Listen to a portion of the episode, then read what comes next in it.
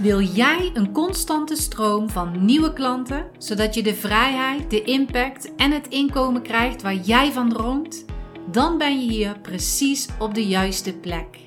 Mijn naam is Miranda van den Hurk en je luistert naar de Body and Mind Business Podcast. Met mijn unieke inside-out methode, waarin ik energiemanagement en mindset combineer met krachtige businessstrategieën, wil ik jou als ondernemer inspireren en motiveren, zodat jij en je bedrijf kunnen groeien naar een next level. Dus ben jij klaar om jezelf en je business te ontwikkelen? Blijf dan luisteren. Hoi hoi, wat leuk dat je luistert naar deze podcast. En vandaag wil ik het hebben over e-mail provider, oftewel ook een e-maillijst. Want nog veel te vaak zie ik ondernemers die helemaal geen e-maillijst hebben. Of ze hebben ook geen e-mail provider. Sommigen hebben wel een e-mail provider, maar daar doen ze dan helemaal niks mee omdat het moeilijk is, of dat ze het vaak vinden dat het moeilijk is of extra werk is. En ik weet dat ik het hier al eerder over gehad heb, maar ik ga het toch nog een keertje herhalen. Want social media is het eerste wat bij de meeste ondernemers naar boven komt als ze aan zichtbaarheid denken. Maar social media is zeker niet de enige manier om zichtbaar te zijn. Wanneer jouw social media account gehackt wordt, of wanneer jouw social media platform ermee stopt, ben je al deze volgers kwijt. Heb je een e-maillijst, dan zal je altijd die e-mailadressen blijven houden. En natuurlijk schrijven mensen uit en dat is ook heel normaal, maar er komen ook mensen bij als jij jouw marketing goed doet. En een e-maillijst hebben en de e-mailadressen hebben is niet het enige voordeel van een maillijst. Want er zijn nog vele andere voordelen van een e-maillijst. Je kan namelijk via je mail allerlei statistieken bijhouden. Je kan zien wie er op een link klikt, als je jouw mail goed maakt natuurlijk. Ik zal een voorbeeld geven. Stel jij hebt een lead magnet die mensen kunnen downloaden. Bijvoorbeeld een e-book. Nou, dit kan ook een mp3 zijn of dit kan ook een checklist zijn, maar ik ga nu even uit van een e-book. Nou, stel jij hebt dat e-book op jouw website staan, maar je hebt nog geen e-maillijst, daar ga ik nu even van uit. Nu kunnen de mensen dat e-book downloaden. Voor die mensen is het echt heel erg fijn, want die kunnen kennis maken met jou. Ze kunnen het e-book lezen en je hebt een hele mooie lead magnet. Maar zelf heb je daar dan weinig aan. Want je weet zelf niet wie nu dat e-book gedownload heeft. Je kan misschien niet eens zien of het e-book gedownload is. Dus je hebt helemaal niet in de gaten of mensen interesse hebben in jouw e-book. Je weet niet welke mensen dat het eh, e-book downloaden. En je hebt geen e-mailadres. Nou, en daarom is een e-mail provider zo belangrijk. Want die downloads kan je namelijk koppelen aan jouw e-maillijst. Zou je natuurlijk alles handmatig wilt gaan doen. Maar dat zou ik je zeer zeker niet adviseren, want ik ga ervan uit dat je daar heel veel mensen hebt en dan moet je die allemaal handmatig gaan doen. Dat is niet zo handig, dus zo'n e-mail provider is veel handiger. Nou, in een e-mail provider kan je lijsten maken. Bijvoorbeeld een lijst uh, nieuwsbrieven of een lijst e-book downloads of een lijst uh, webinar inschrijvingen, ik noem maar wat. dat kun je helemaal zelf bepalen, kun je zelf gaan indelen. En op die lijst komen de mensen te staan die zich hebben aangemeld voor dus die nieuwsbrief of dat e-book of een webinar. Zoals het in mijn e-mail provider is, dan maak ik een lijst aan. Ik gebruik trouwens Autorespond. Ik maak dan een lijst aan, bijvoorbeeld uh, het makkelijk meer klanten e-book. Nou, die lijst heet dan makkelijk meer klanten. Nou, wanneer ik deze lijst heb aangemaakt, maakt mijn e-mail provider automatisch een link die ik kan gebruiken. Ik kopieer deze link en die zet ik dan op mijn leadpagina of op mijn homepage of beide. Het is maar net waar ik hem voor wil gebruiken. Nou, dit is dan een e-book. Ik heb dan eigenlijk een leadpagina gemaakt en daar zet ik dan die link in. Wanneer iemand geïnteresseerd is, vult deze persoon zijn of haar naam en e-mailadres in en dan klikt hij op de link: Ja, ik wil dit e-book of maar net wat ik ervan gemaakt heb. En dit is trouwens een call to action. En als je daar weer meer over wilt weten, luister dan de podcast. Uh, aflevering 101 volgens mij, want daar leg ik alles uit over call to actions. Maar ik zal hem ook in de show notes zetten. Maar in ieder geval, die persoon vult naam, e-mailadres in. Die klikt dan op de link ja, ik wil het e-book. En nu staat de naam en het e-mailadres in mijn lijst die ik heb aangemaakt. Dus de persoon die alles heeft ingevuld, krijgt van mij nu een mail met een link waar ze het e-book kunnen downloaden. Je kunt het op vele verschillende manieren kun je dat inregelen. Daar ga ik het nu niet over hebben, want dan zou ik bij wijze van alweer een hele nieuwe podcast over op kunnen nemen. Maar in ieder geval, ze krijgen van mij een, een mail en daar staat de link in van het e-book. Nou, dan heb ik daarna twee keuzes. En de eerste keuze is: ik stuur voortaan al mijn wekelijkse e-mail naar deze persoon. Want deze persoon staat op een lijst.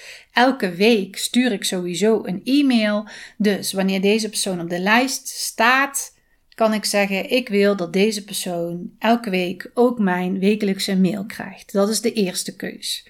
De tweede keus die ik heb is: ik kan een funnel gaan maken zodat deze persoon een paar speciale mailtjes krijgt die betrekking hebben op het e-book. Dat kan je helemaal zelf bepalen. Als je nog nooit met een e-mail provider hebt gewerkt, zou ik zeggen: begin gewoon met keuze 1 en dan kan je daarna gaan uitbreiden. Tenzij je heel snel bent in die techniek, dan zou ik zeggen: ga meteen naar keuze 2 en ga ook een funnel maken. Je kan natuurlijk ook altijd een VA vragen of die het voor jou wil inrichten. Maar in ieder geval, als je voor keuze 2 gaat en je gaat een funnel gebruiken, dan zou je voor jezelf kunnen bepalen hoeveel mailtjes wil ik, nadat deze persoon mijn e-book heeft gedownload, hoeveel mailtjes wil ik die persoon nog sturen? Wil ik nog één mail sturen? Wil ik er drie, vijf, zeven, tien? Het is maar net wat jij graag wilt. Heeft die persoon die funnel doorlopen, dan zet je deze persoon weer op jouw wekelijkse lijst en gaan ze elke week weer jouw e-mail krijgen. Het voordeel van zo'n funnel is, je kunt degene die het e-book gedownload hebben meenemen in het Know, Like, Trust pad. Dus je kunt e-mails gaan maken waarvan je weet, oké, op deze manier leert deze nieuwe potentiële klant of deze volger, die leert mij beter kennen. Die gaat mij leuk vinden en ik ga vertrouwen opbouwen. En dat kun je dus met die mails doen. Je kunt in die mails kun je gaan bepalen wat wil ik daarmee bereiken? Wil ik ze mij meer leren kennen? Wil ik eh, vertrouwen opbouwen door bijvoorbeeld reviews in deze mail te zetten? Nou, daar kun je helemaal strategieën op loslaten. Maar het is wel heel verstandig, want je kunt daar dus ook al kenbaar maken wat jij doet, wat jouw aanbod is. Dus daardoor kun je ze al warm maken. Je kunt ze zelfs al aangeven van: hey, weet je dat je dit en dit bij mij kunt kopen? Of weet je dat dit dat ik dit en dit als aanbod heb. Dus in die funnel kun je allerlei verschillende mailtjes zetten waar je van tevoren over nadenkt. Want het kan natuurlijk zijn dat jij nu denkt: jeetje, dat is echt wel heel veel werk. En het klopt, in het begin is dat ook heel veel werk. Je gaat echt nadenken, je gaat over die strategie nadenken.